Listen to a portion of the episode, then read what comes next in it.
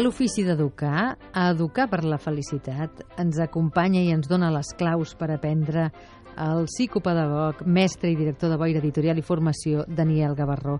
Benvingut. Avui parlem d'un tema que se n'ha de parlar, que és el tema de la mort i com s'explica i com s'afronta en relació als infants.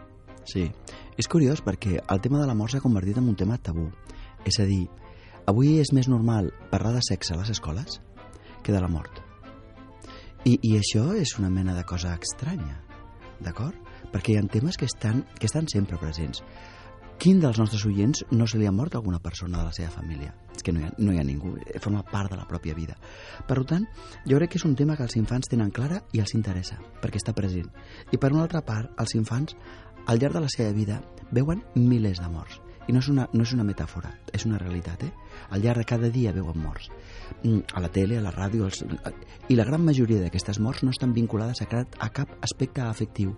Per tant, són incapaços d'elaborar què significa aquesta mort. Perquè per la tele avui han mort cinc persones amb, amb una sèrie que hem vist i, i, i, i a sobre aplaudies. És a dir, és bastant estrany, no? Per tant, això els allunya de la realitat. Jo crec que els haurien de, de, de, de fer entendre als nostres infants que, que la mort primer entendre el concepte de la mort, que és quan el cos deixa de bategar, el cos deixa de, de digerir, el cos deixa de veure, el cos deixa d'escoltar, per sempre. No per un rato, per sempre. I ja no tornarà a fer-ho.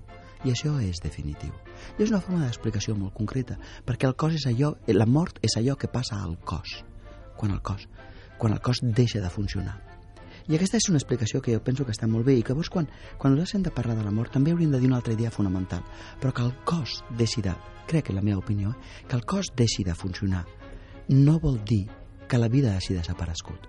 Perquè fixa't que el contrari, el contrari, el contrari de la mort no és la, no és la no vida, és el naixement. És a dir, la vida sempre s'expressa en una sèrie de formes.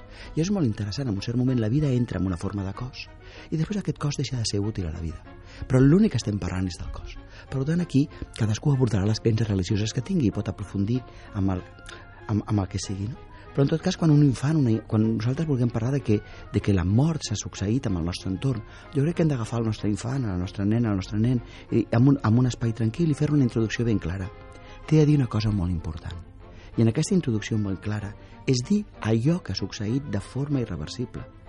No respira, no parla, la fulanita no escolta, és mort, és morta.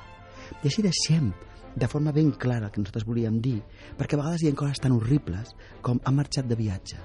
Llavors, quan marxes de Ens ha vacances... deixat Sí, llavors dius, quan, quan tu dius marxem de vacances, la nena no vol venir de vacances, perquè diu, l'últim viatge aquesta persona... No, M'explico?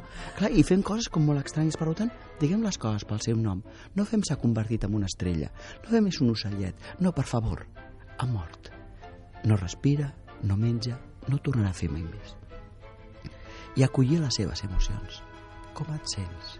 I acollir aquestes emocions i després ajudar-lo a passar pels rituals, ajudar-lo a que pugui anar al cementiri, a que pugui anar al tanatori, a que pugui entrar i veure per última vegada i dir-li, a que pugui tenir una foto, perquè es pugui acomiadar i es pugui resituar. I que tu d'alguna forma puguis acollir les seves emocions i el nen o la nena pugui agrair tot el que es van portar d'aquella relació. Per tant, poder parlar de la mort per, entre d'altres, perquè és fonamental després per fer un bon dol. Efectivament. Gràcies, Daniel Gavarró. Una abraçada per tu i per tots aquells que ens heu acompanyat fins aquí.